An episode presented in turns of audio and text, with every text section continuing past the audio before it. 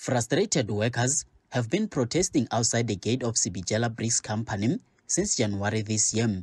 Once dubbed the biggest bricks producer in Limpopo, the company has now collapsed.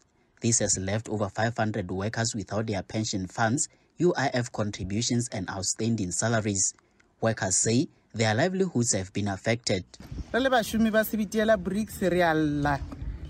As Zibidela Bricks workers, we are complaining because our business owner has been deducting money from our salaries for over 12 years, but we never got that money back.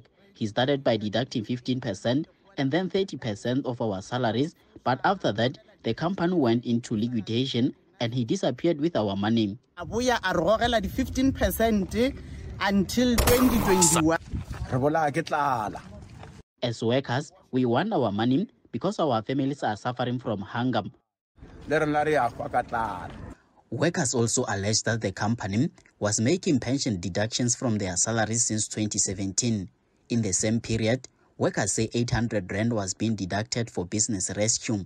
After the company business rescue failed, the Gauteng High Court appointed a liquidation firm, Gapval Trust.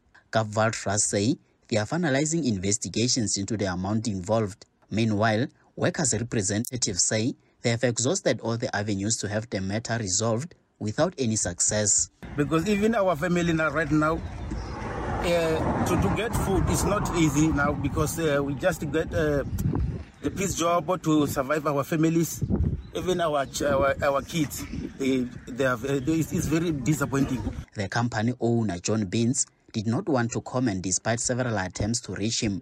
Meanwhile, the affected workers have vowed to continue camping outside the company gates until they are paid their money.